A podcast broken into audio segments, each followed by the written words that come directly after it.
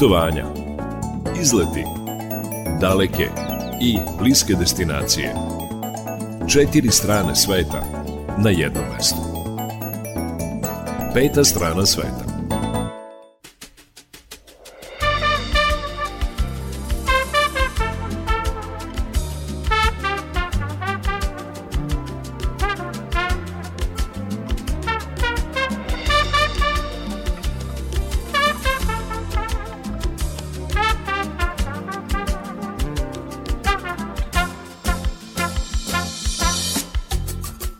Dobar dan poštovani slušalci, dobrodošli u još jedno izdanje turističkog magazina Peta strana sveta.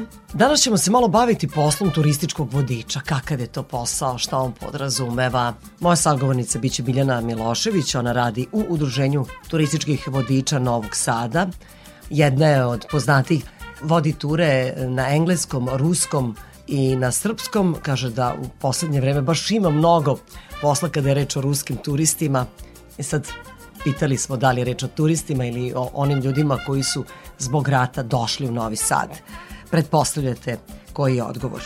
Sa njome sam razgovarala i o najpopularnijim turističkim turama u Novom Sadu, koliko turista ima zimi, da li ima dovoljno turističkih tura, a takođe smo razgovarale i o naplati ulaznica u verske objekte, kao što su, na primjer, crkve, jer od 1. februara naplaćuje se ulaz u hram Svetog Save pa je to bio povod za naš razgovor. Biće reči i o opstanku turističkih agencija. Znamo koliko je korona, koliko je pandemija virusa usporila njihov rad.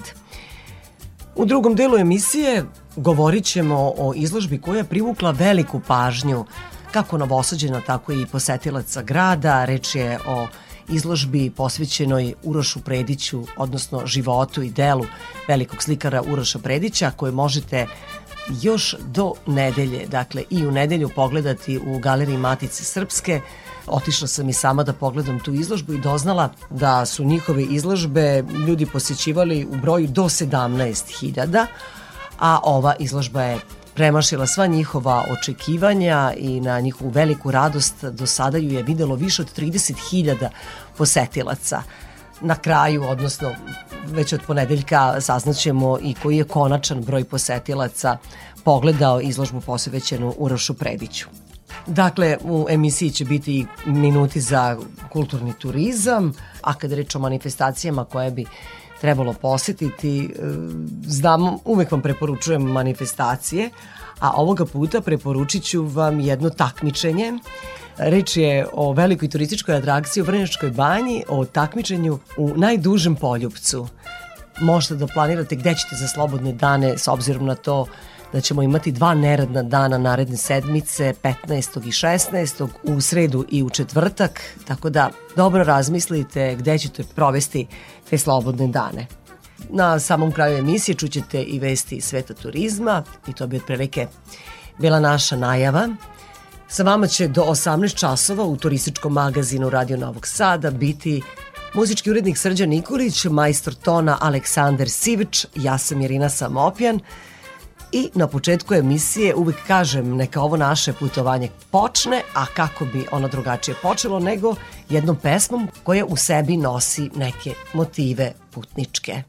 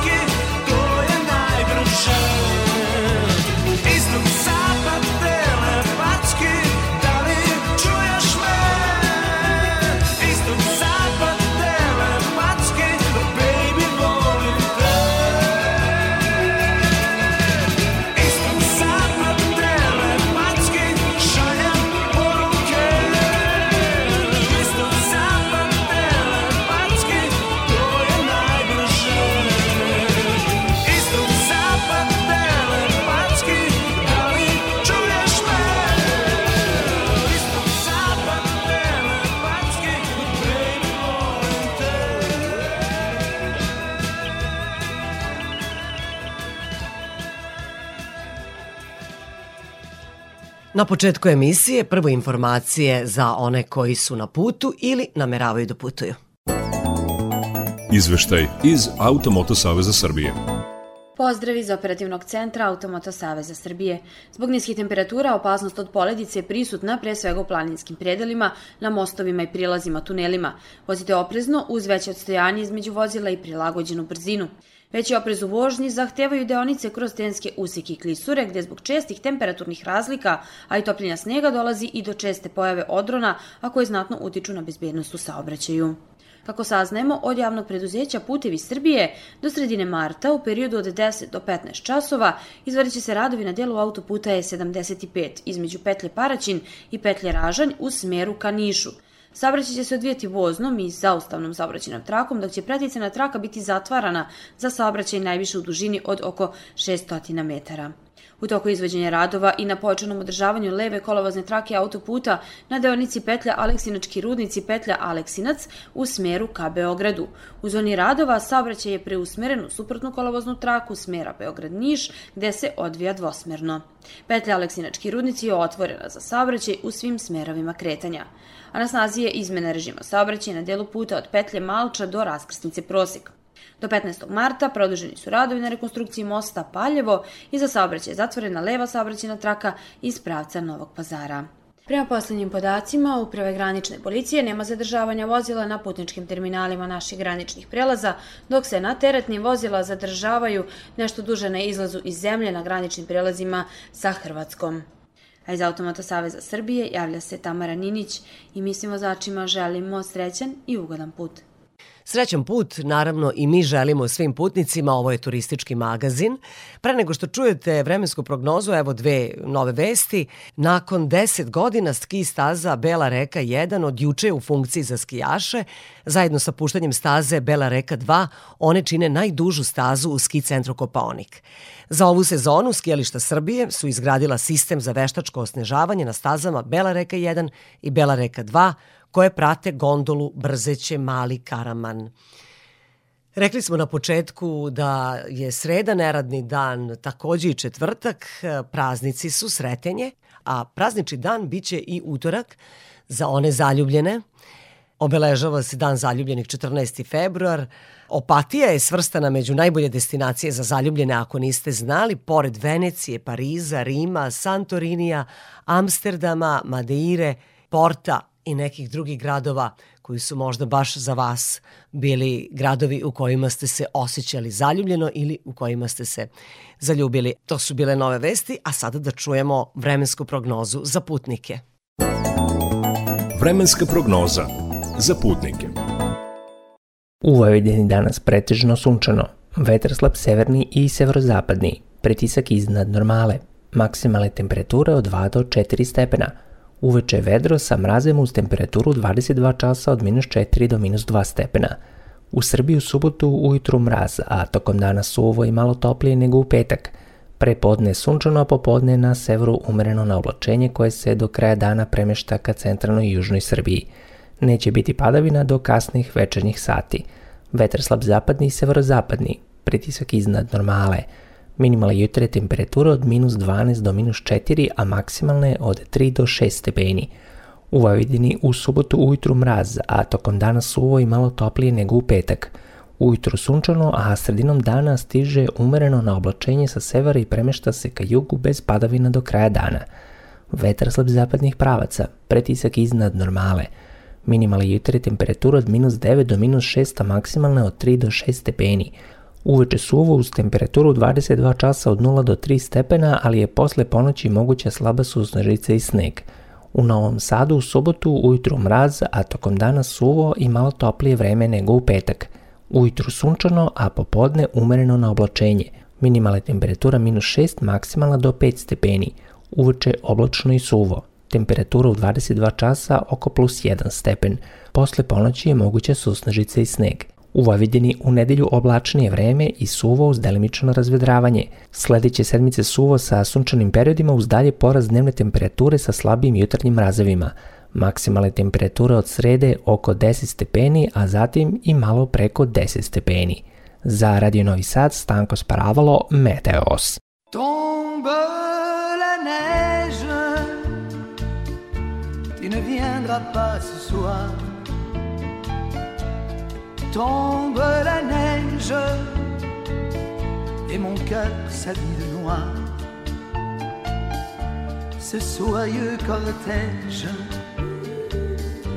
tout en larmes blanches, l'oiseau sur la branche pleure le sortilège. Tu ne viendras pas ce soir, me crie mon désespoir.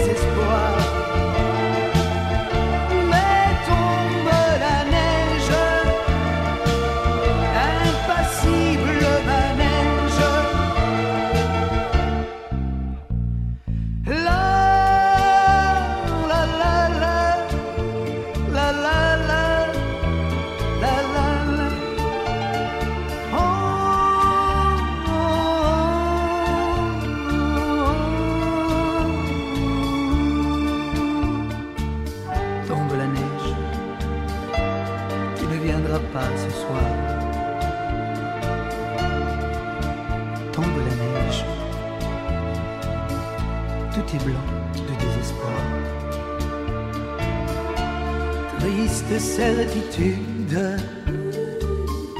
le froid et l'absence,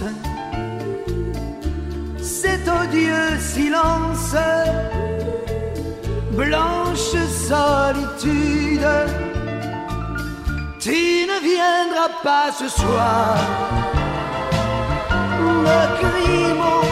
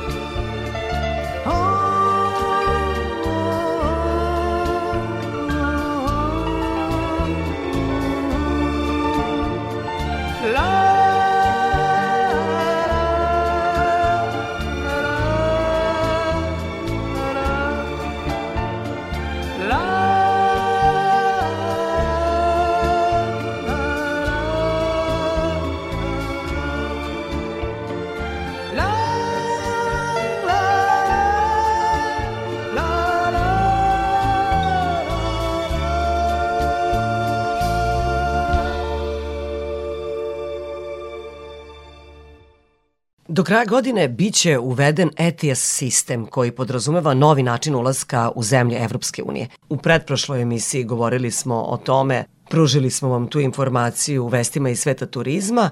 Evo pre nego što počnemo da se bavimo opstankom turističkih agencija kod nas, potom i drugim temama, saznaćemo detaljnije o čemu je reč i kako ćemo mi to putovati od naredne godine u zemlje Evropske unije.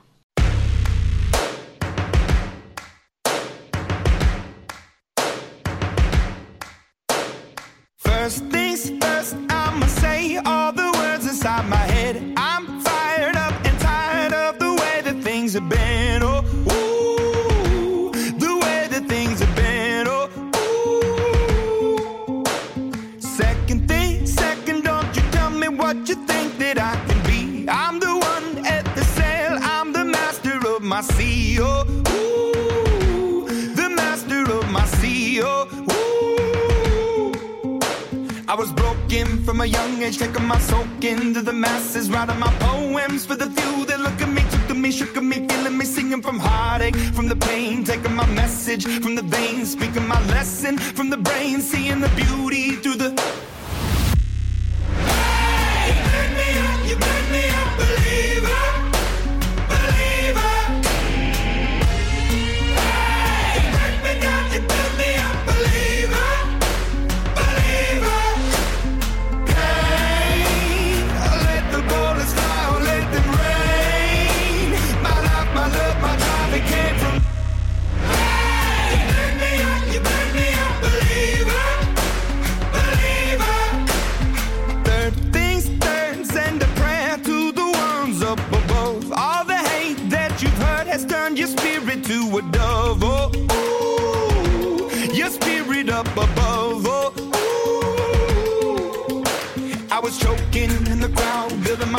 up in the cloud, falling like ashes to the ground, hoping my feelings they would drown, but they never did. Ever lived, ebbing and flowing, inhibited, limited, till it broke up and it rained down.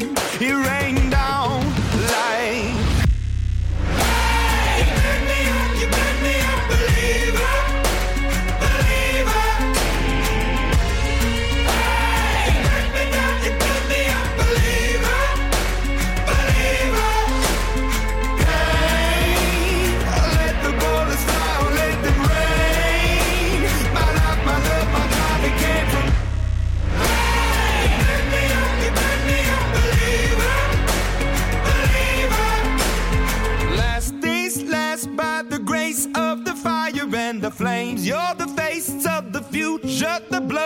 My veins. Oh, ooh, the blood in my veins. Oh, ooh. But they never did, ever lived, ebbing and flowing, inhibited, limited, till it broke up when it rained down. It rained down like.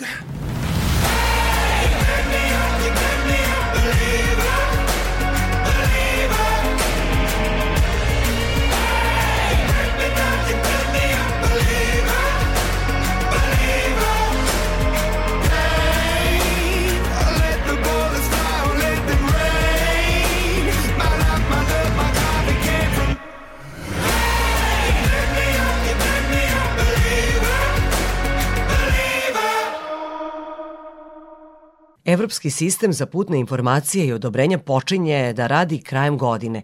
U Evropskoj komisiji napominju da njegovo pokretanje ne znači uvođenje viza za treće zemlje poput Zapadnog Balkana. Sa portparolkom Evropske komisije zaduženom za unutrašnja pitanja i migracije Anitom Hiper u Briselu razgovarao je Ivan Ilić. Gospođo Hiper, hvala vam što govorite za radio televiziju Vojvodine zašto se EU odlučila na uvođenje ETIAS sistema.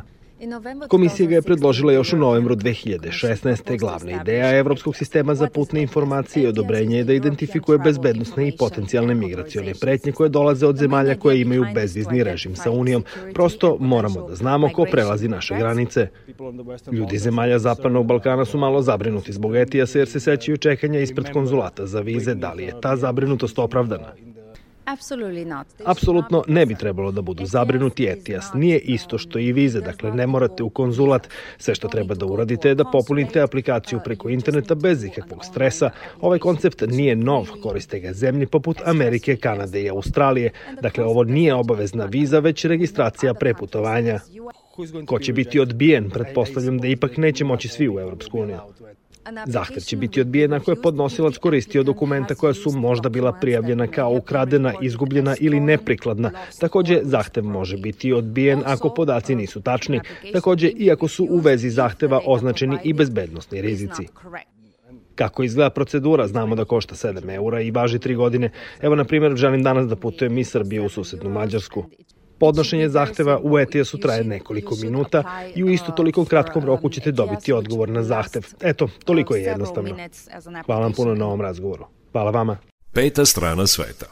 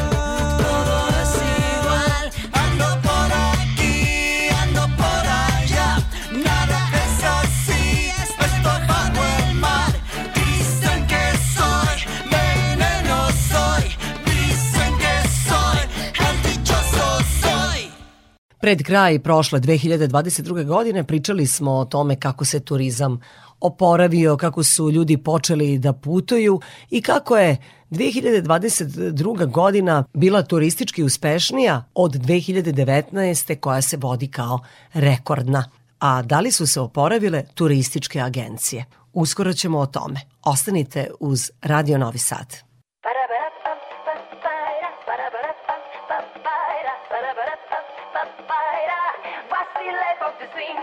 Que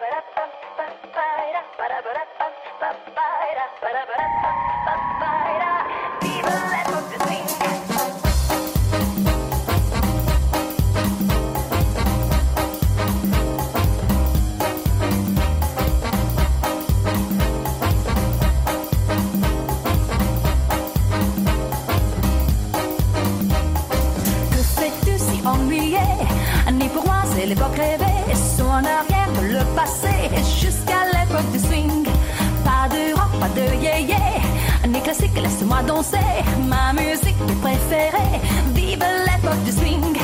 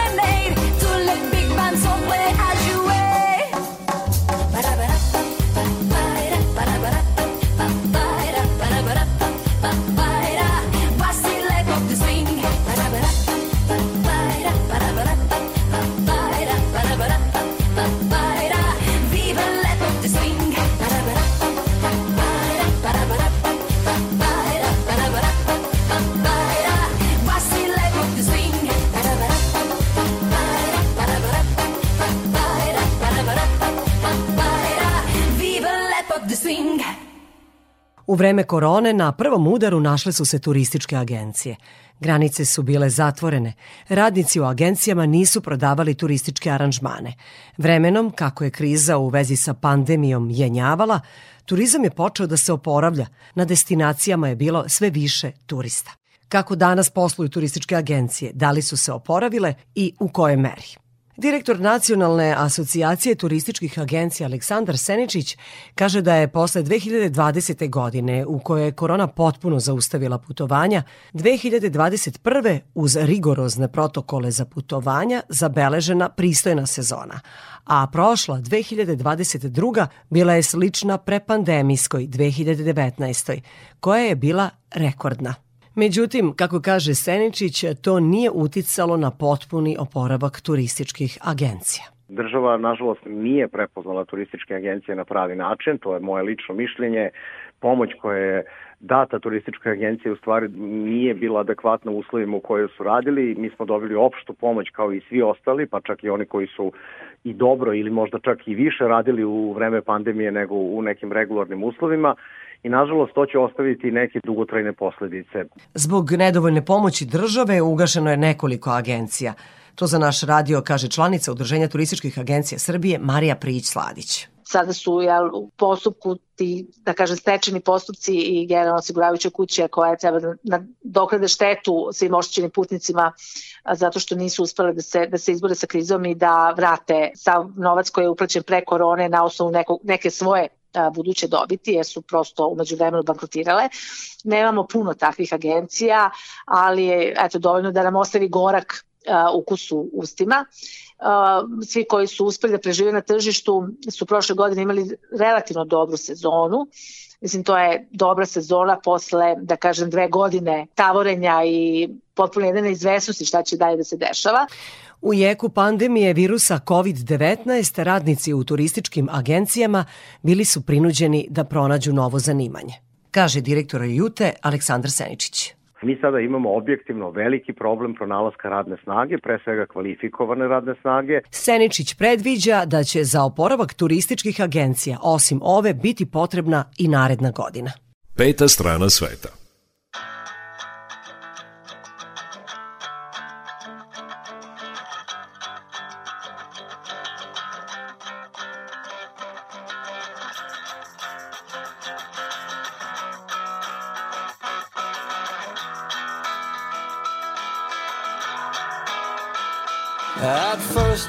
Was afraid, I was petrified.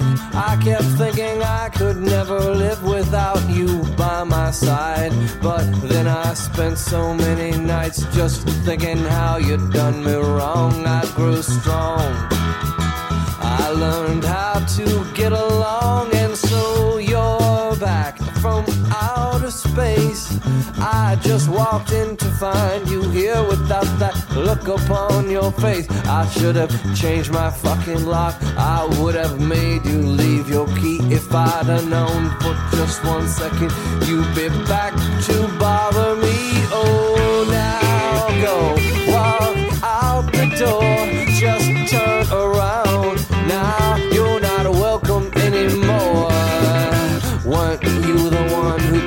Tried to break me with desire? Did you think I'd crumble? Did you think I'd lay down and die? Oh, not I. I will survive. Yeah, as long as I know how to love, I know I'll be alive. I've got all my life to live. I've got all my love to give. I will survive.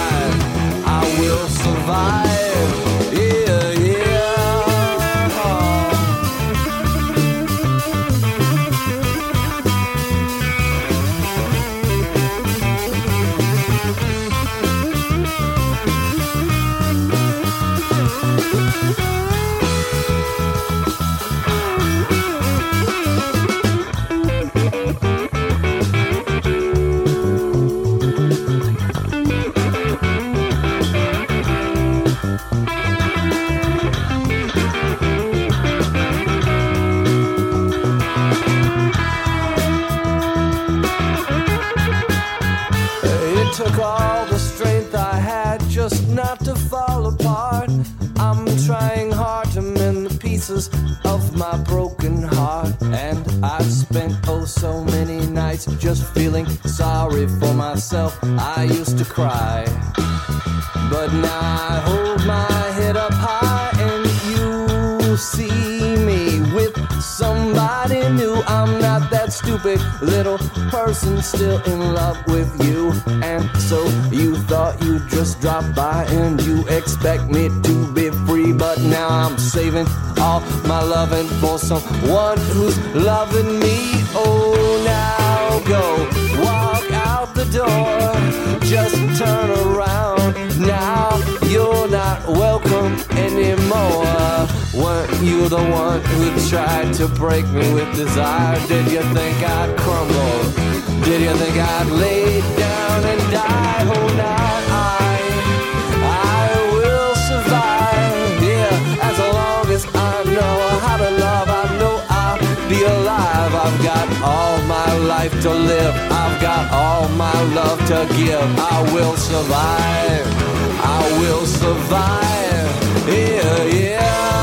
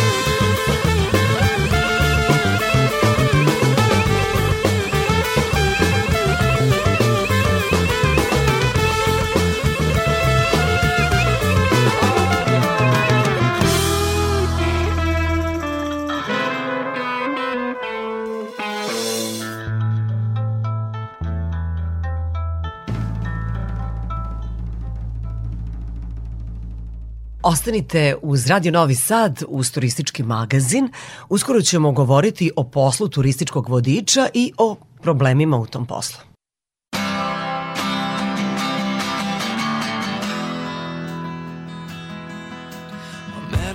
Club down Old Soho where you drink champagne and it tastes just like cherry cola. C-O-L-E cola. She walked up to me and she asked me to dance. And when I asked her her name in a dark brown voice She said Lola L-O-L-E Lola Lola, Lola,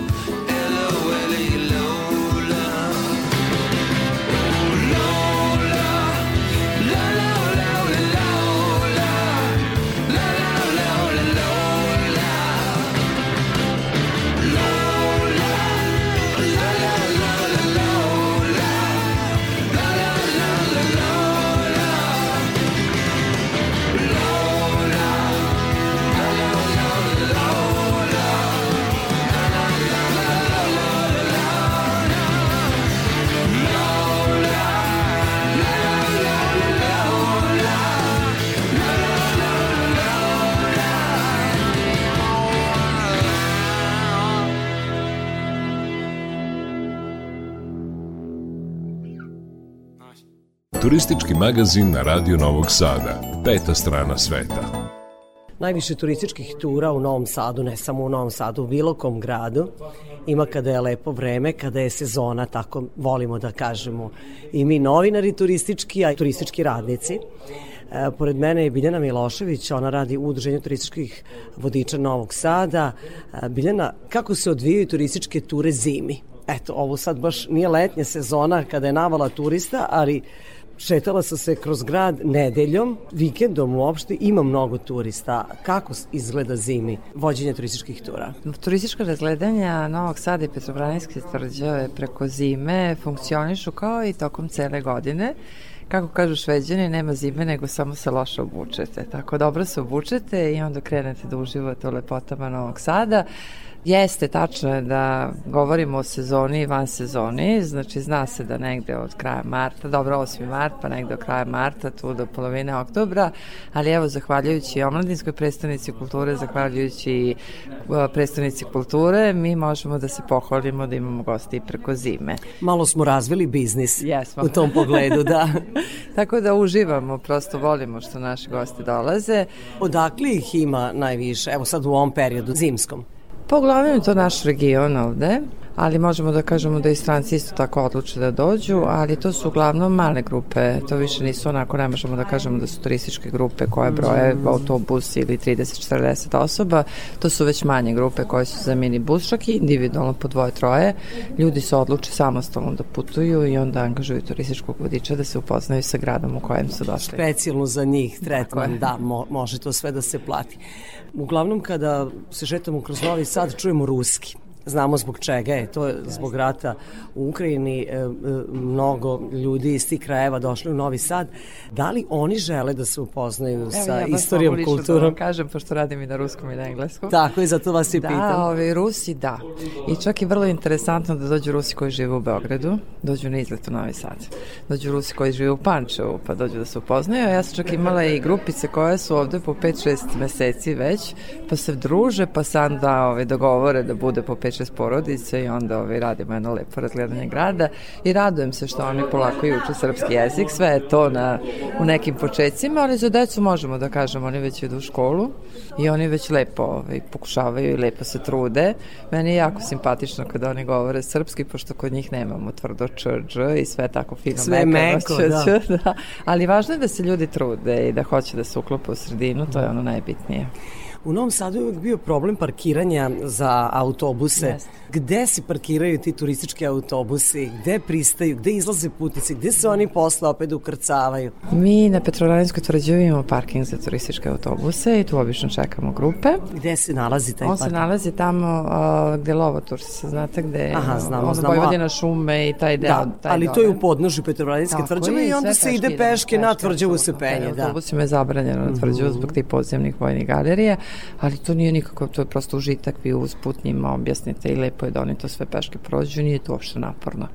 Meni je recimo smešno kada je subota nedelja, pa lepo vreme, pa onda ljudi po automobilima idu i onda jednog momenta im kažu ne može više gore zato što je prepun parking i onda se ljudi okreću i vraćaju. Znači prošetajte peške, uživajte na tvrđavi, ništa to nije mi smo strašno. navikli do vrata da stignemo. A ovo sam pitala i zbog toga što postoje stariji turisti i oni ne mogu zaista tim štapovima, pomagalima zbog njih. Da li postoji neki način da, da oni Bilo je stignu? ove svakakvih situacija. Mogu da vam kažem da brodovi koji imaju stariju populaciju, oni često uh, angažuju autobus i mi kad dođemo na tvrđavu sa Keja, tu nas čakaju minibusevi koji ih onda voze gore i tako se organizuje. To je već stvar kompanije koja to organizuje. Meni se dešavalo da zovem taksi pa u više tura idemo gore dole.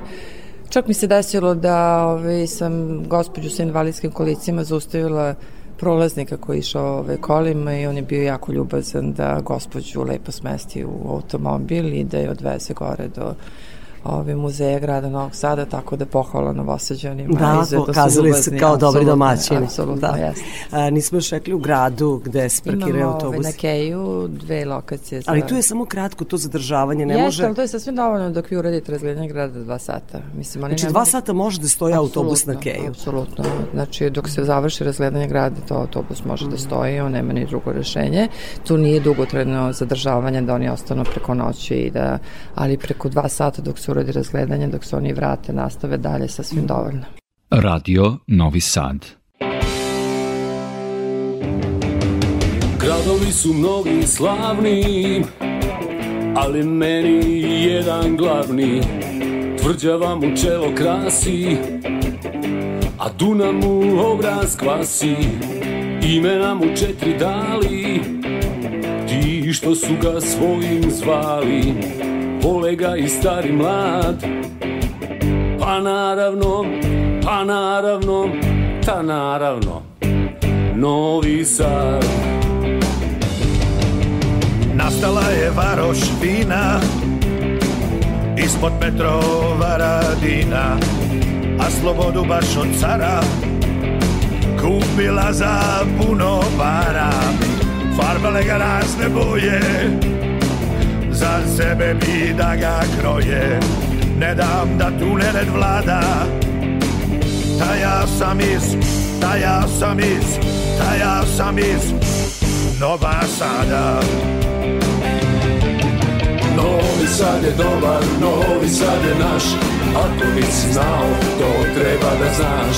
021, poziva se tako Ali da ga dobiješ ove nije lako Novi Sad je dobar, Novi Sad je naš. Lako nisi znao, to treba da znaš. Kad pomisliš da si pokorio grad Vrlo brzo osjetit ćeš šta je Novi Sad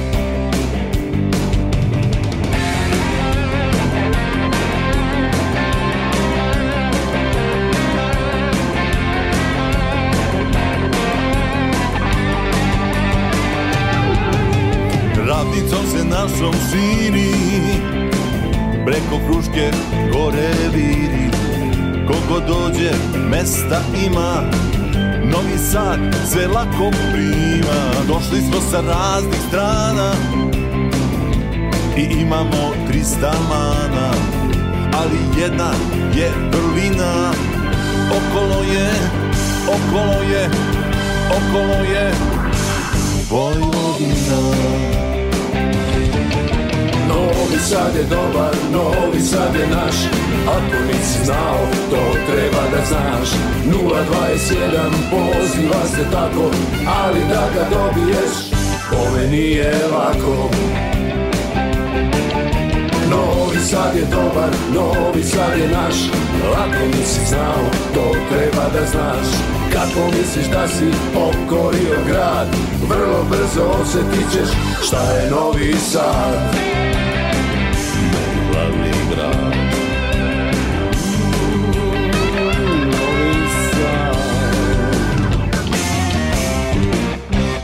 Novi Sad.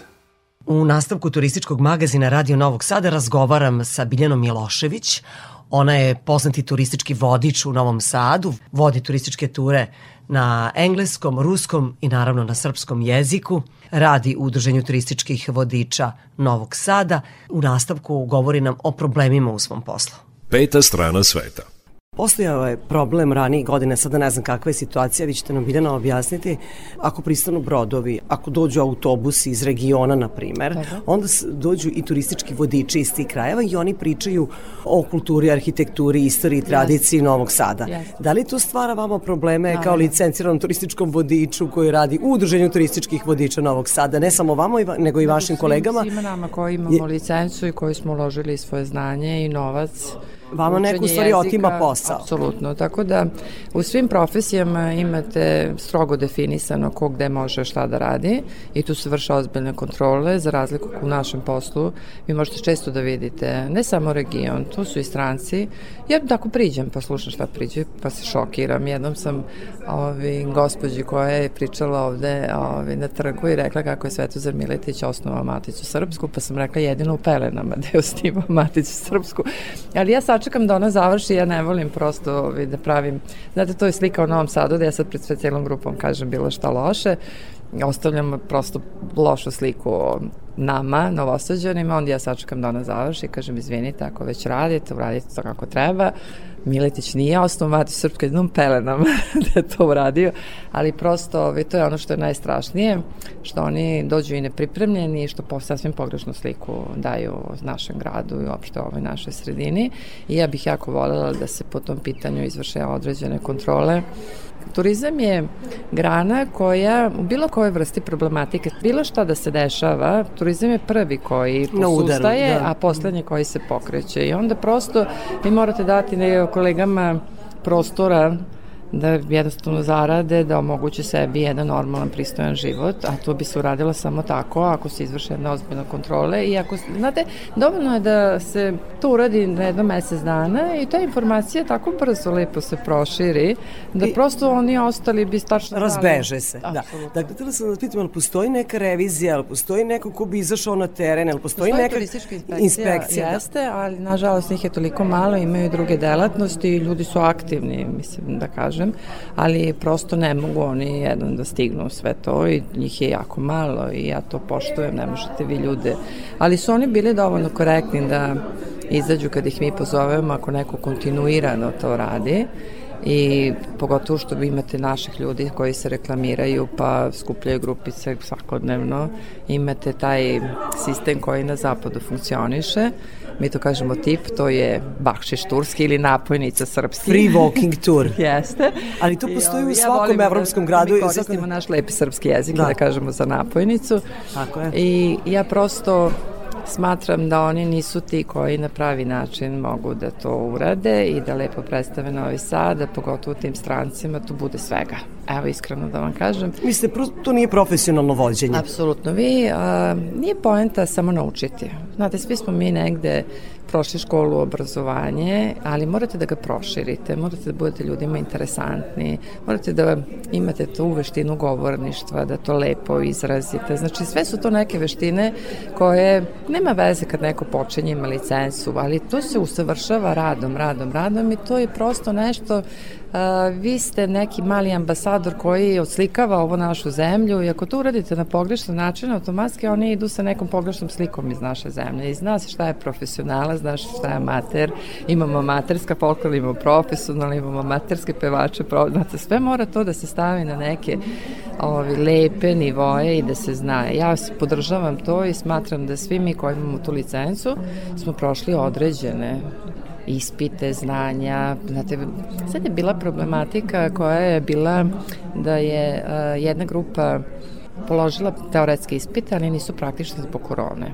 Tu u Ministarstvu za uh, trgovinu, turizam i telekomunikacije. Gde se dobija licenca za turističkog vodiča. Oni su završili teoretski deo, položili ispit, ali im je praktični ostao, zato što prosto zbog korone je to sve stopirano i nisu imali praktični ispit. To je bilo, jel, I onda se kad je bila korona. Pitanje, tako je, postavilo se pitanje da li da se njima izda licenca. Ja lično smatram ne, iz razloga što vi kada uzmete mikrofon u ruke, možda imate tremu, možda niste spremni da izađete pred narod i da iz, iz, i na, znate, imate ljudi koji imaju znanja, prosto ne znaju da ga iskažu, ne znaju da ga prenesu i prosto vi morate da osetite taj moment, da, Da shvatite. imamo i praktični deo. Pa Tako dobro, oni mogu sad naknadno da polože taj praktični Ne, ne, deo ispita to kada je prošla korona. Kada je prošla korona, sve, ali bio je moment, mi smo već sve to odradili, dali smo novac, dajte nam licencu. Znači, ne mora da se, znači, od početka do kraja sve lepo ispoštuje, zato što vi prosto tada osetite taj moment, da li ste vi spremni, da li vi u autobusu možete pričati tri sata. Da, Razumete? da, koliko Znači, treba? Ako se pokvari autobus, šta sad Mene kako sada zabaviti? lično da pitate, ja sam radila razgledanje Beograda petak popodne i od hotela Jugoslave do hrama Svetog Save smo išli 3 sata autobus. Vi sad mene da pitate šta sam ja pričala 3 sata, ja ne znam da vam ponovim, ali mi Ali smo se smejali i to je bilo interesantno, ali vi prosto morate biti spremni na takve situacije. Radio Novi Sad.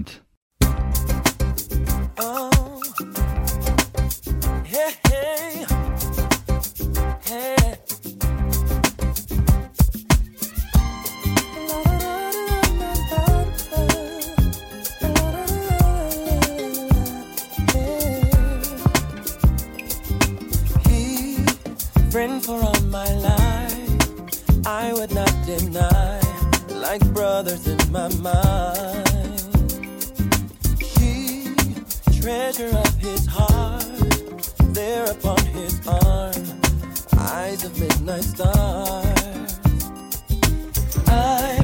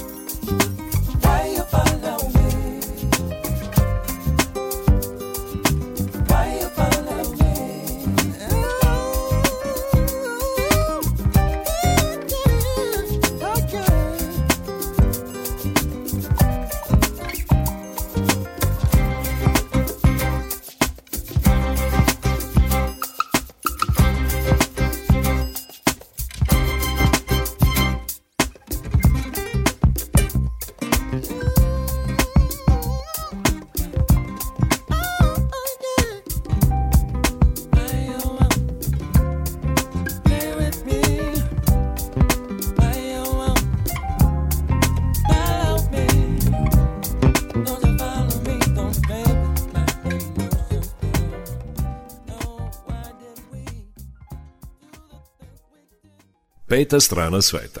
Biljana, moram sad da vas pitam i ovo, jedna aktualna samo tema, naplaćuje se ulaznica u hram Svetog Save od 1. februara e, je počelo da se naplaćuje. Ostalo je sad nejasno, to nije za vernike ulaznica, to je Ne. samo za posete sa turističkim vodičem. Eto, sad to da Evo raščistimo. ja mogu da vam kažem da recimo naš manastir Krušedol isto tako naplaćuje ulaznice. I to od kada? To već traje izuzetno dugo. Tako je, duže nego Ali vi imate situaciju, ja dođem sa domaćom grupom, ne platim ništa. Dođem sa Rusima, ne platim ništa. Moje kolege koje rade na Grčkom dođu sa Grcima i ne plate ništa. Ali zna se kada dođu brodovi, kada dođu zapadne zemlje, kada nisu vernici, oni plaćaju euro po osobi. To je vrlo simbolično, ali njima to puno znači.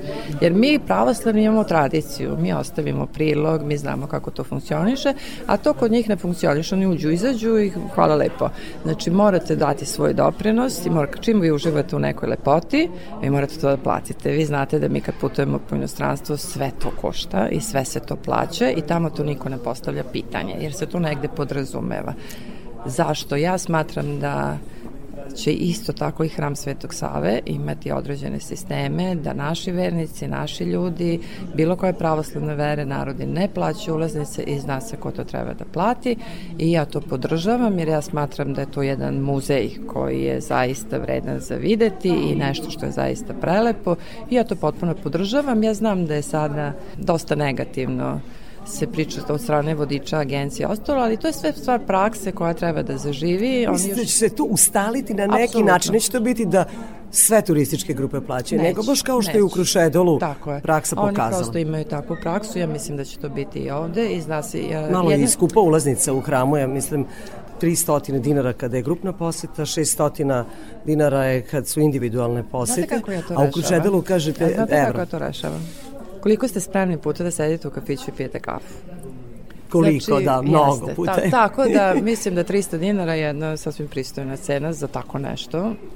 I za tu veliku priču Tako je. koju Vi ćete tamo dobiti. uživate u toj lepoti i lepo vam se to predstavlja, kriptice gore, lepo, to je zaista nešto što je posebno. I ja se jako radojem. Ja se često pitam šta će moje kolege vodiči za 100 godina pričati isto što i ja i jedino što će ostati je taj hram, hram Svetog Save što su ova generacija napravile, jer ovo staklo i ovaj beton sigurno neće potrajati toliko dugo. I sigurno neće biti toliko zanimljivo. Tako da ja to jako poštujem. Mi smo generacija koja je ostavila iza sebe ovako jedan lepi hram, tako da je to nešto što se meni posebno dopada i treba da plate. Ja sam za to, zato što ovi, ali njima to ništa čudno nije. Jedin, znate šta je problem? Problem je Kome što... njima, kome njima nije čudno? Pričam o... Turistima? Turistima. A turistima, Oni znaju da. kada putuju gde god uđu i izađu moraju da plate. I to je nešto što se podrazumeva, ali je, znate šta je problem? Gde je prostao problem?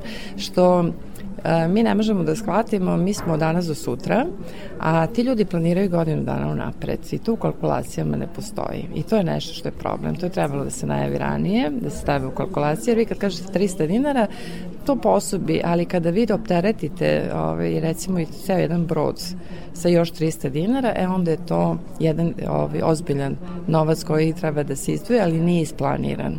E to je, znači trebali su, eto tu je nastao te problem. e, turističke ture koje su ranije zakazane, to je trebalo Jeste, ranije oni ukalkulisati. recimo da brodovi se prodaju 2022. za 2023. I ne samo to, nego sve te ovi, ozbiljne agencije, oni planiraju mnogo, mnogo unapred i ljudi se tako i organizuju. Prema tome tu je nastao problem. Sve to će se uhodati vremenom i bit će jedna normalna pojava koju ja podržavam. Hvala vam najlepše što ste govorili za turistički magazin Pete strana sveta. Hvala i vama. Biljana Milošević bila je moja sagovornica, a ona je turistički vodič u Udruženju turističkih vodiča Novog Sada. Radio Novi Sad.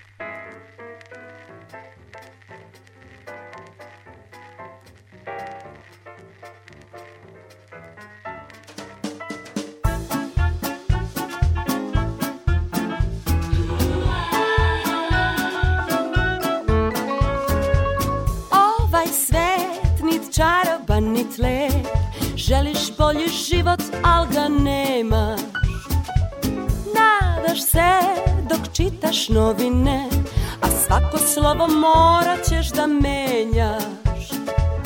Jer danas imaš, sutra nemaš. Život živeti polako, a uzeti mu sve. Sve što ti pristaje, to može svako. Život živeti po svom, pare samo pravilom Koga briga vrte se, neka pare vole me. Ovaj svet nit čaroban nit lep. Pare nisu problem, para nema. Ovaj život jednom živi se A u veselju nema nam problema. Ko zna šta sutra nam Život živeti polako, a uzeti mu sve. Sve što ti pristaje, to može svako Život živeti po svom, a pare samo pravilom Koga briga vrte se, neka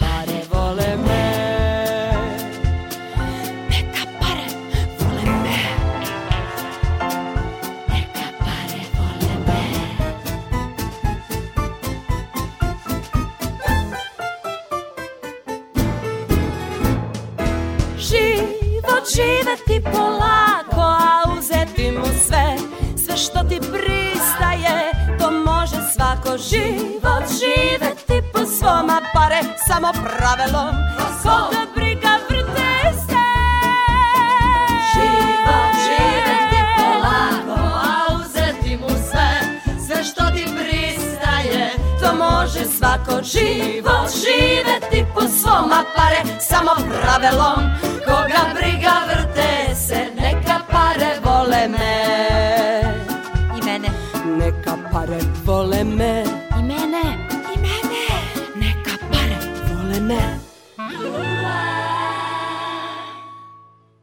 petoj strani sveta, turističkom magazinu Radio Novog Sada, bavit ćemo se i kulturnim turizmom, uskoro o jednoj izložbi koja je oborila sve rekorde posjećenosti u galeriji Matice Srpske. Budite uz nas.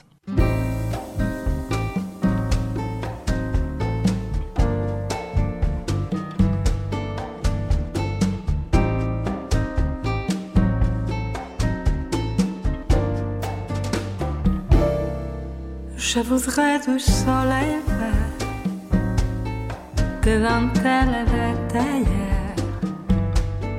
des photos de bord de mer dans mon jardin d'hiver.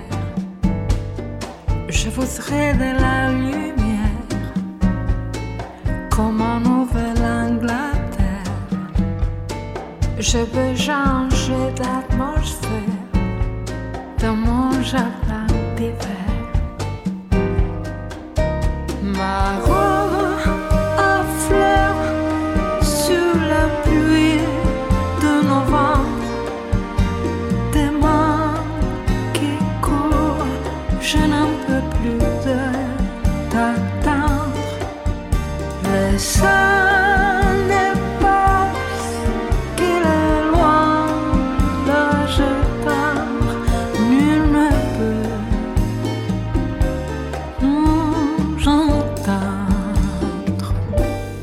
Je voudrais du Fred Astaire revoir en la découvert. Je voudrais toujours te plaire dans mon jardin d'hiver. Je veux déjeuner par terre comme un long des golfes éclairs, t'embrasser les yeux ouverts about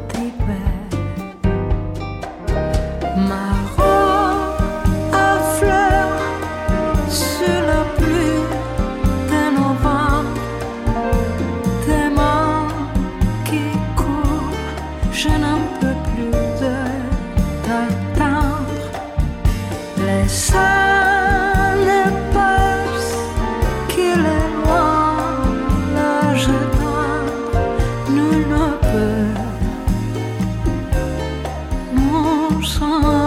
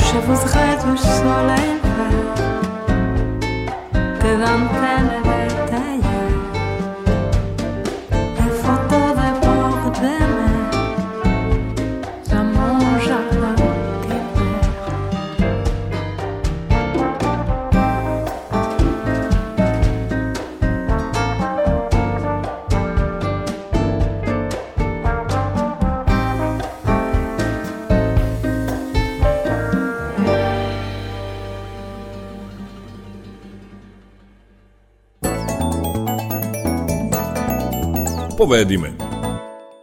Milica Milošević, muzejska edukatorka i PR Galerije Matice Srpske. Milica je moja domaćica ovde u Galeriji Matice Srpske i ja sam kao mnogi novosađani i posetioci grada Novog Sada došla da vidim tu čuvenu izložbu posvećenu delima Uroša Predića. Izložba traje od 7. oktobra prošle godine. Trebalo je da bude završena poslednjeg dana januara, međutim protežena je do 12. februara. Dakle, možete još dva dana, svega dva dana da pogledate izložbu. Rekli su mi da ovo je jedna od najposećenijih izložbi, pa čak i u godini kulture, pošto obuhvata i godinu kulture. Izložbu je do sada posetilo preko 30.000 posetilaca. Kada kažem 30.000 i mi smo sami fascinirani tim brojem zato što nam se to nije dešavalo u prehodnom periodu. Naime, naše najposećenije izložbe dopru do 15 do 17.000 poseta u galeriji Matice Srpske, ali Uroš Predić je zaista privukao ogromnu pažnju ne samo novosađana, već i svih oni koji dolaze u Novi Sad, konkretno ili da posete samo izložbu Uroša Predića ili da posete i druge programe Evropske predstavnice kulture, tako da smo premašili taj broj eto između 31-32 hiljada posetilaca, a verujem da će sad tokom ovog poslednjeg vikenda biti i još više. Šta izložba obuhvata? Oko 140 e, umetničkih dela i muzejskih eksponata. Od tih 140 je 102 slike Uroša Predića, što je zaista e, veliki broj. E, naime, on je naslikao preko 1700 radova, a mi smo izložili eto oko 100. E, u okviru izložbe, naravno, pored najpoznatijih slika kao što su Vesela braća, Kosovka devojka, Siroča na majčinom grobu, tu su i dokumentarna građa, različite fotografije, diplome, njegove e, nagrade i, na primjer, medalja sa svetske izložbe u Parizu iz 1889. godine. E, takođe, pet portreta koje su uradili njegovi prijatelji umetnici. U okviru izložbe se e, može pogledati i e, film od 30 minuta Blaže Popovića koji govori o e, životu Uroša Predića, tako da publika zaista može u okviru ove izložbe da nađe svašta nešto interesantno. Šta nam možete reći o periodu stvaralaštva Uroša Predića u Novom Sadu? A, što se tiče njegovog perioda u Novom Sadu, svakako da kada kažem Uroš Predić i Novi Sad, odmah ćemo pomisliti na Maticu Srpsku i na Muzej Matice Srpske, jer će on upravo održavati to prijateljstvo sa e, ovom institucijom, naravno sa ovim muzejem. E, radit će različite portrete sekretara, predsednika, podpredsednika Matice Srpske, kao i dobrotvora, darodavaca, uticajnih ličnosti sa kraja 19. i 20. veka. Dolazit će u kontakt, naravno, i sa pesnicima Jovanom Jovanovićem Zmajem i e, Lazom Kostićem, tako da uglavnom to vezujemo za taj neki period u Novom Sadu. Takođe, u Novom Sadu je, na primer, oslikao i Bogorodičin tron u Almaškoj crkvi, koji se može pogledati svakodnevno pri svakoj poseti e, Almaškoj crkvi na Podbari u Novom Sadu, tako da svako može da iskoristi priliku eto, i da uživa e, i u toj ikoni, odnosno slici e, Uroša Predića.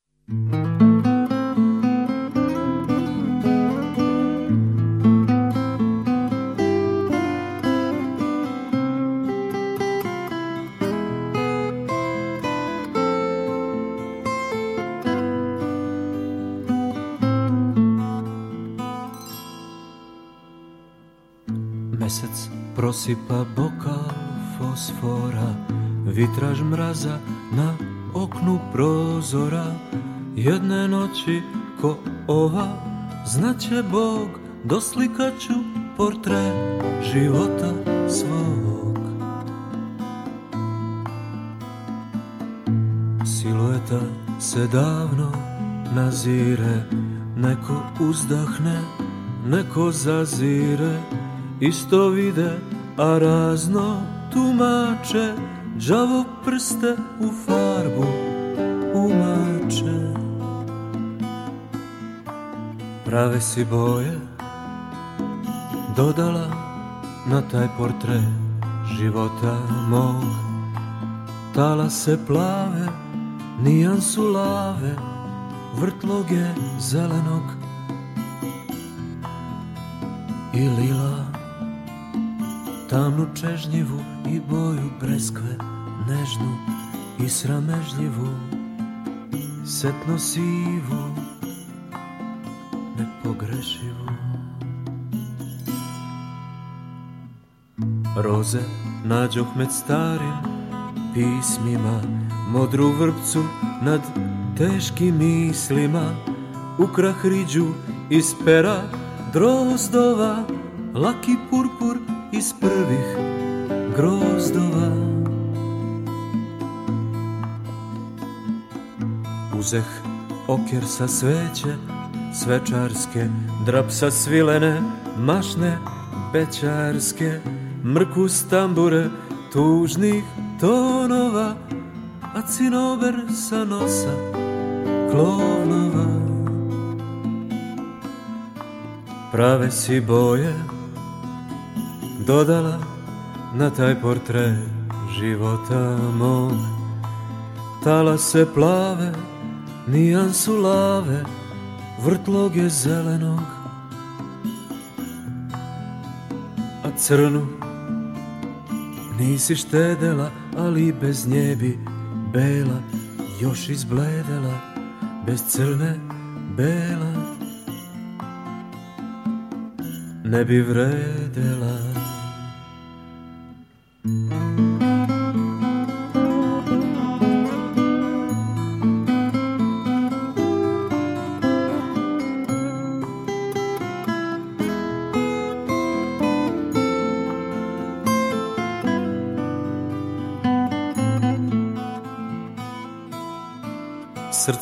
moje napuklo ko kora starog bagrema Al u tvom oku kao lane zadrema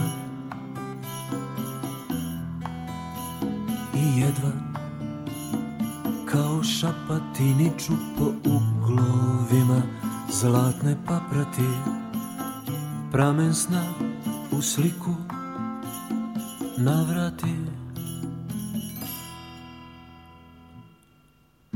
Vetar dok ono senke spopada Huk u ambis tišine propada. Jedne noći ko ova Znaće Bog doslikaću portret života svog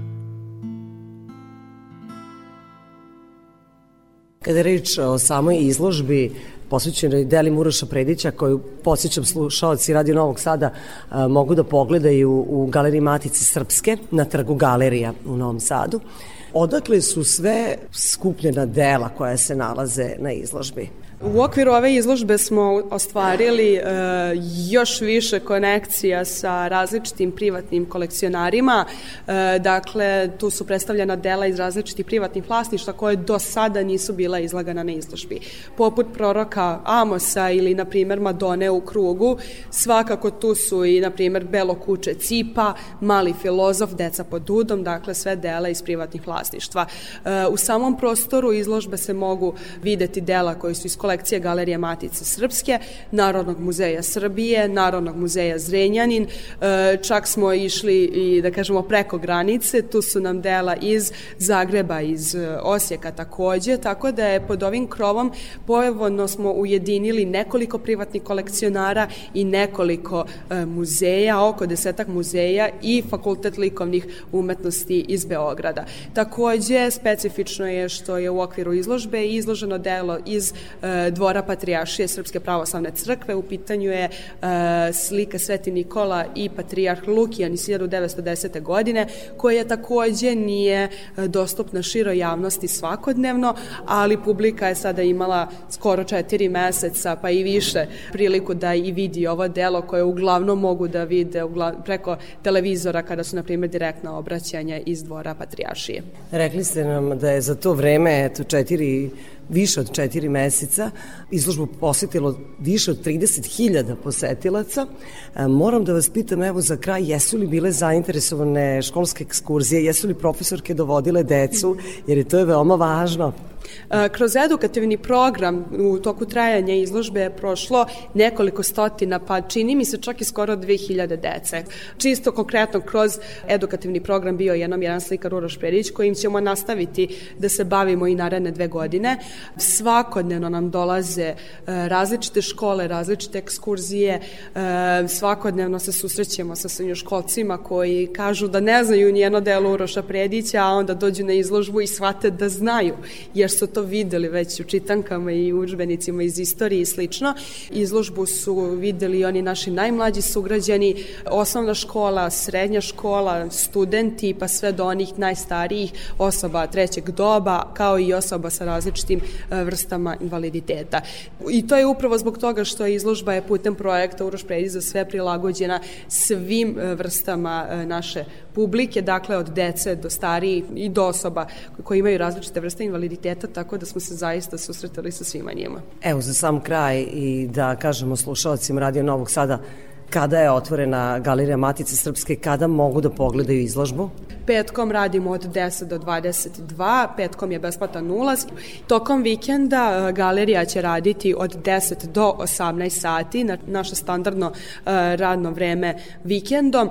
Oba dana vikenda će biti e, organizovana autorska vođenja u 13 i u 17 sati i u sobotu i nedelju. Kroz izložbu će voditi dr. Snežana Mišić, muzejska savjetnica Galerije Matice Srpske i profesor dr. Igor Borozan, profesor na odseku za istoriju umetnosti u Beogradu, koji su i ovaj put ujedinili svoje enciklopedijska znanja o istoriji umetnosti i o umetniku uh, Urošu Prediću i to će svakako predstaviti uh, svoje zainteresovanoj publici eto u četiri termina. Ja se zahvaljujem na razgovoru Milici Milošević, koja je u Galeriji Matice Srpske muzijski edukator i PR. Ona nam je malo približila izložbu posvećenu delima Uroša Predića. Čuli ste, imate još svega dva dana da je posetite. Peta strana sveta. I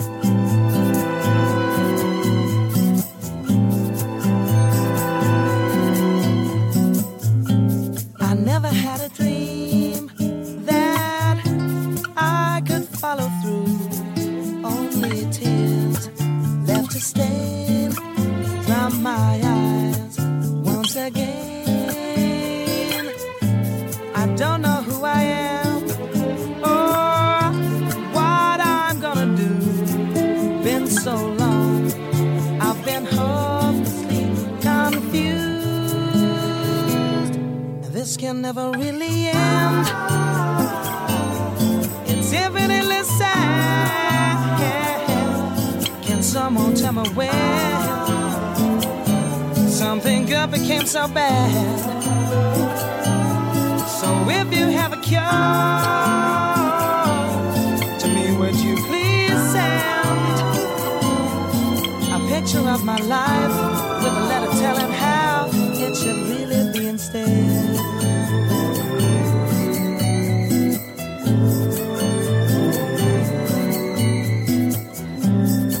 Is there, but will I ever dare throw myself in the sky?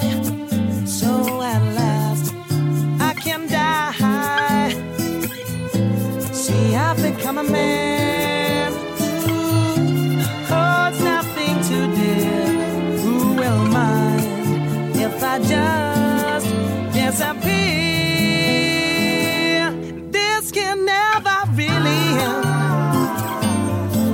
infinitely sad. Can someone tell me when something good became so bad? So if you have a cure to me, would you please send a picture of my life with a letter telling how it should really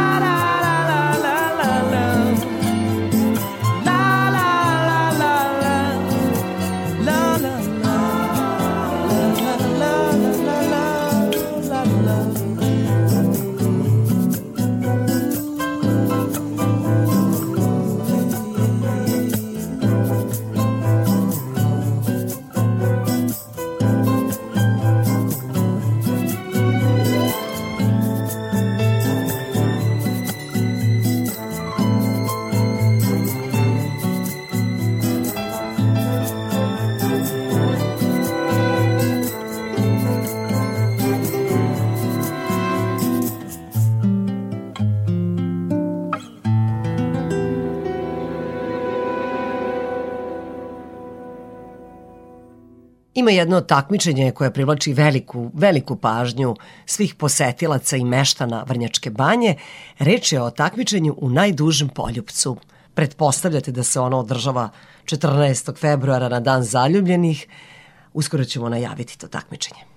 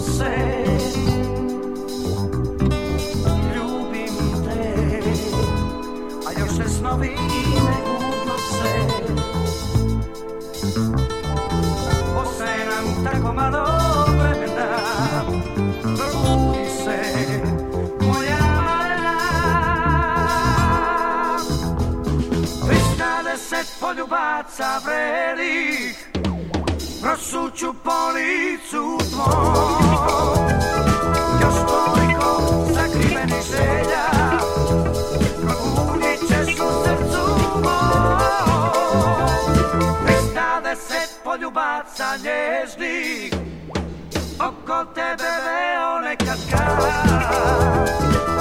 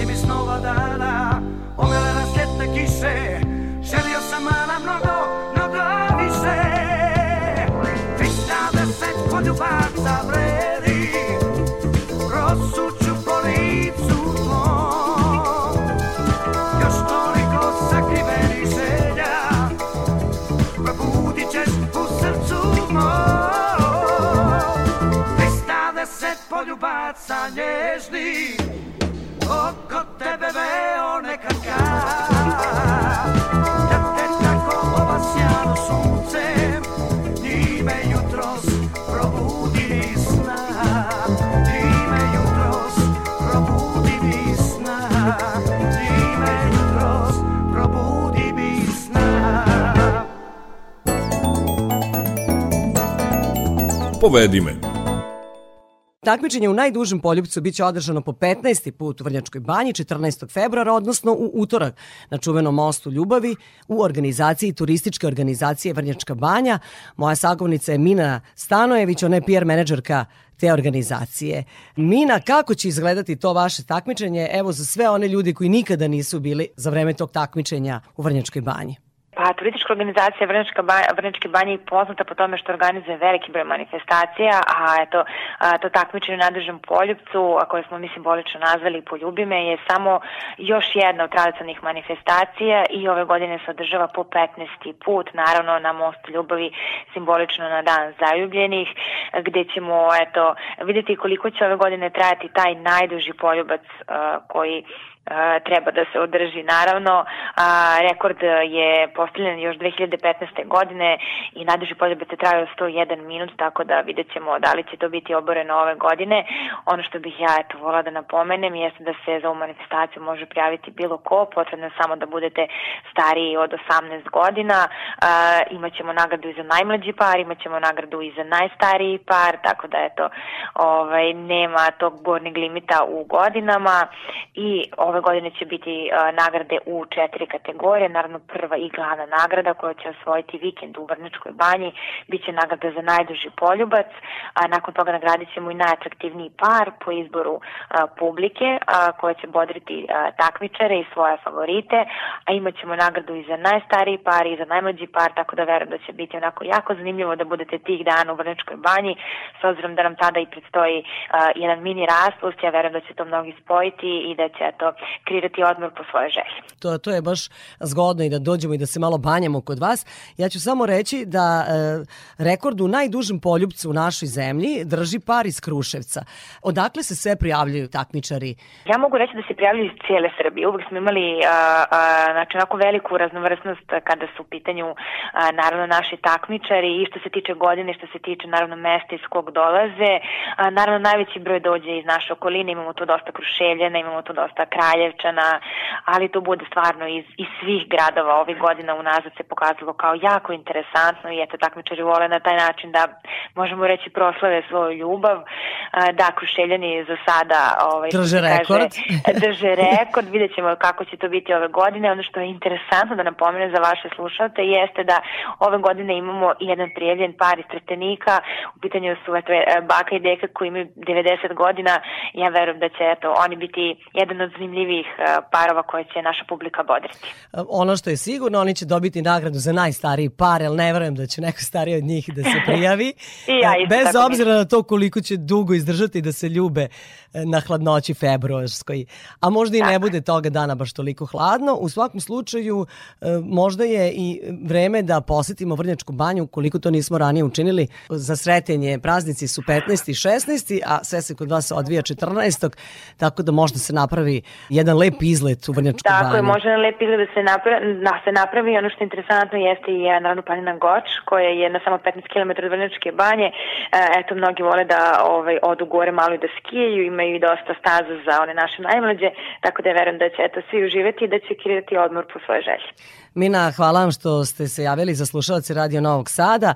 Dakle, takmičenje u najdužem poljubcu biće održano po 15. put u Vrnjačkoj banji 14. februara, odnosno u utorak na čuvenom mostu Ljubavi, a moja sagovornica bila je PR menadžerka turističke organizacije Vrnjačka banja Mina Stanojević. Sve najbolje i vidimo se na sajmu turizma u Beogradu. Tako je, hvala i vama, puno divni ste i eto čekamo vas u Vrnjačkoj banji. Sve najbolje. Peta strana sveta.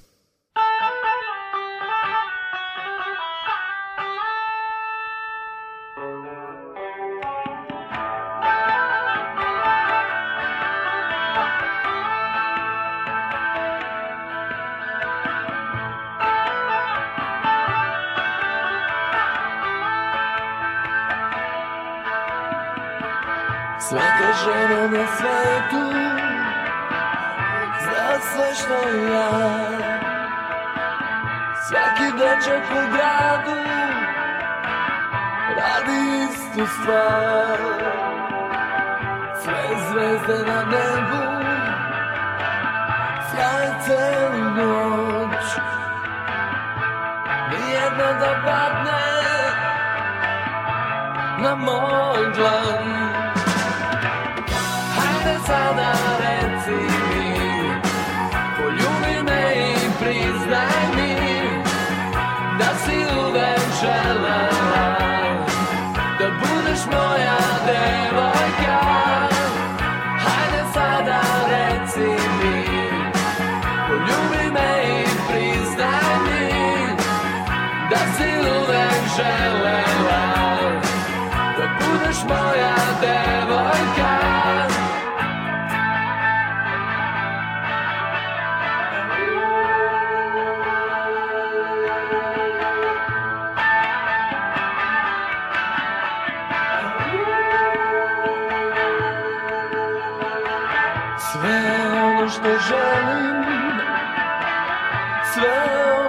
znam Mogu uvek da imam Kada dođe sam Da li možeš da vidiš Ovaj novi glas? On sija u mraku On je tvoj spas. Hajde sada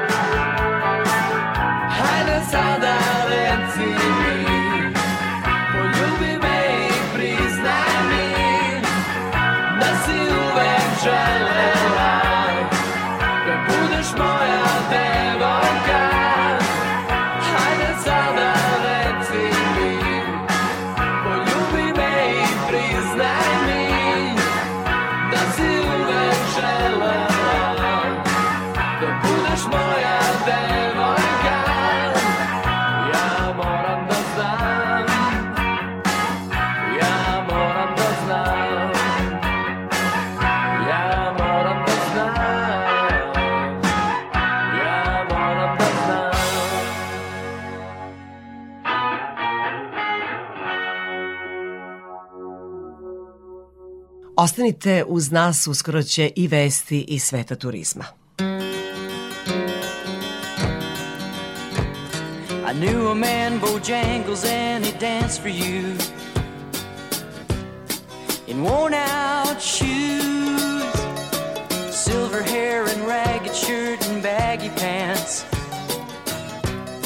The old soft shoe. He jumped so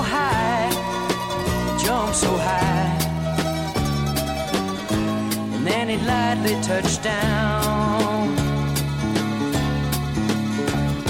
I met him in a cell in New Orleans. I was down and out. He looked to me to be the eyes of age. As the smoke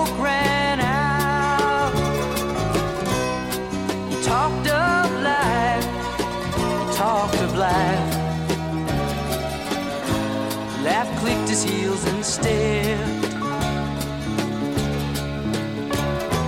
He said his name Bojangles and he danced a lick across the cell. He grabbed his pants and feathered stance, whoa, he jumped so high. And then he clicked his heels. He let go a laugh, he let go a laugh shook back his clothes all around. Mr. Bojangles, Mr. Bojangles, Mr. Bojangles, dance. He danced for those at minstrel shows and county fairs.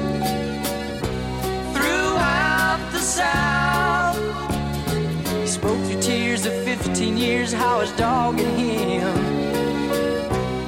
traveled about. The dog up and died, he up and died. After 20 years, he still grieves. He said, I dance now at every chance in honky tonk and tips. But most of the time I spend behind these county bars. Cause I drink so bit. He shook his head, and as he shook his head,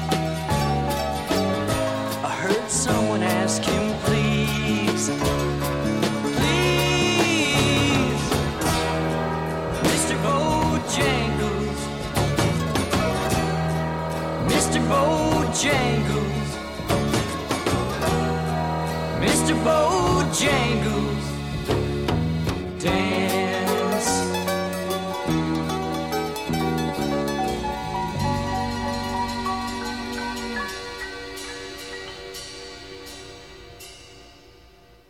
Turistički magazin na Radio Novog Sada. Peta strana sveta. Evo i vesti iz sveta turizma.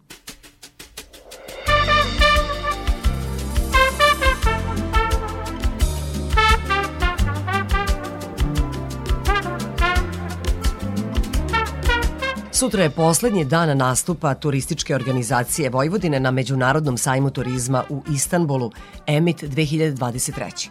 Pokrinjski predstavnici nalaze se na zajedničkom štandu sa turističkom organizacijom Grada Beograda, Privrednom komorom Srbije i Privrednom komorom Vojvodine. EMIT je najveći sajam turizma u Turskoj, takođe je i jedan od značajnijih sajmova turizma na globalnom nivou. Ove godine sajam okuplja 110 zemalja, ima više od 400 izlagača i naravno veliki broj posetilaca. Posetioci iz Turske su prošle godine bili na prvom mestu kada je reč o broju dolazaka stranih turista u našu pokrajinu.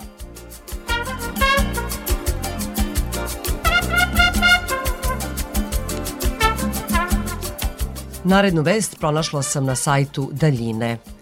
Planina Olimp uskoro će postati deo UNESCO-ve liste spomenika svetske kulturne i prirodne baštine, jer su za to predata sva potrebna dokumenta UNESCO-vom komitetu. Olimp, najviša planina naše zemlje, povezan je sa antičkom mitologijom, sa Homerom, sa istorijom Grčke. Rezidencija bogova je jedan od najjačih grčkih brendova.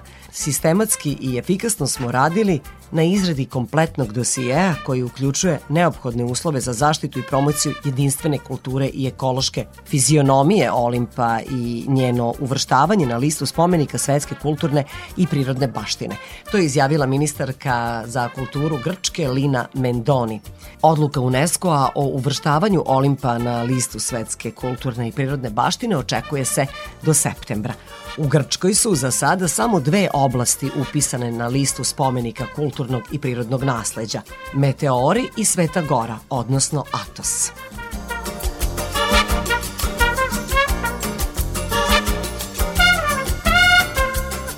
I za kraj vest sa sajta Turistički magazin. Hoteli za odrasle su novi trend u turizmu i postaju sve popularniji. Mnogi hoteli takve vrste smešteni su na romantičnim lokacijama, od privatnih farmi i ostrva do velelepnih istorijskih palata. Večere uz sveće, spa tretmani, u sobi privatni bazeni, samo su neki od sadržaja koje ti hoteli nude. Takvi odmori su namenjeni osobama koje traže samoću, s druge strane postoje hoteli koji nude sasvim suprotno iskustvo. Tu su privatni klubovi i zabave koje pružaju živopisnu atmosferu za ljubitelje avanture i noćnog života. U Španiji ima sve više hotela koji zabranjuju ulazak deci u cilju obezbeđivanja mira i tišine gostima.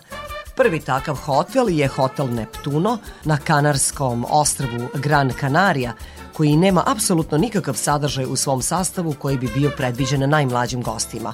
U prilog tome govori i internet portal Adult Only Holidays, koji nudi isključivo aranžmane u objektima širom sveta u kojim ne možete boraviti ako imate decu. Na stranu roditelja stala su brojna udruženja koja štite ljudska prava i prava potrošača.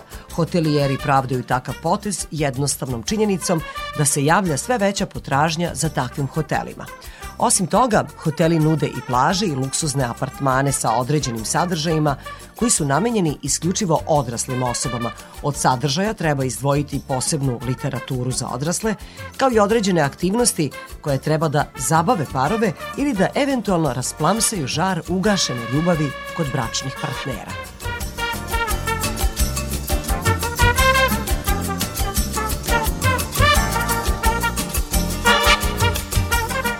Bilo je to sve što smo pripremili u ovom izdanju turističkog magazina Peta strana sveta. Mi vam želimo da uživate u vikendu i naravno da dobro osmislite kuda ćete za vreme ovih prazničnih dana. Znate da su neradni dani 15. i 16. odnosno sreda i četvrtak.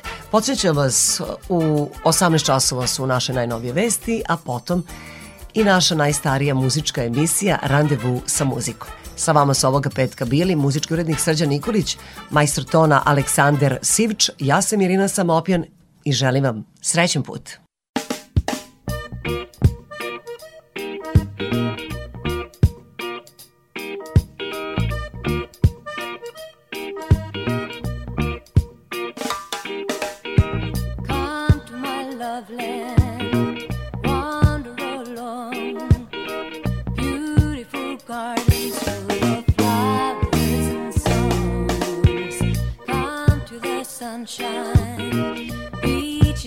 sad.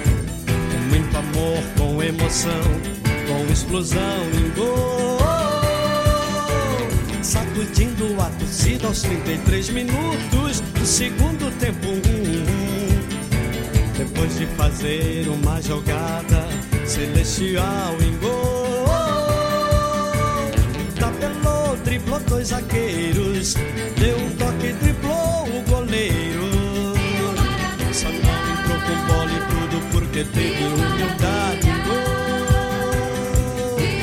Foi um gol de classe onde ele mostrou sua malícia e sua raça. Foi um gol de anjo, um verdadeiro gol de placa. Que a galera agradecida se encantava. Foi um gol de anjo, um verdadeiro gol de placa. Que a galera agradecida se encantava.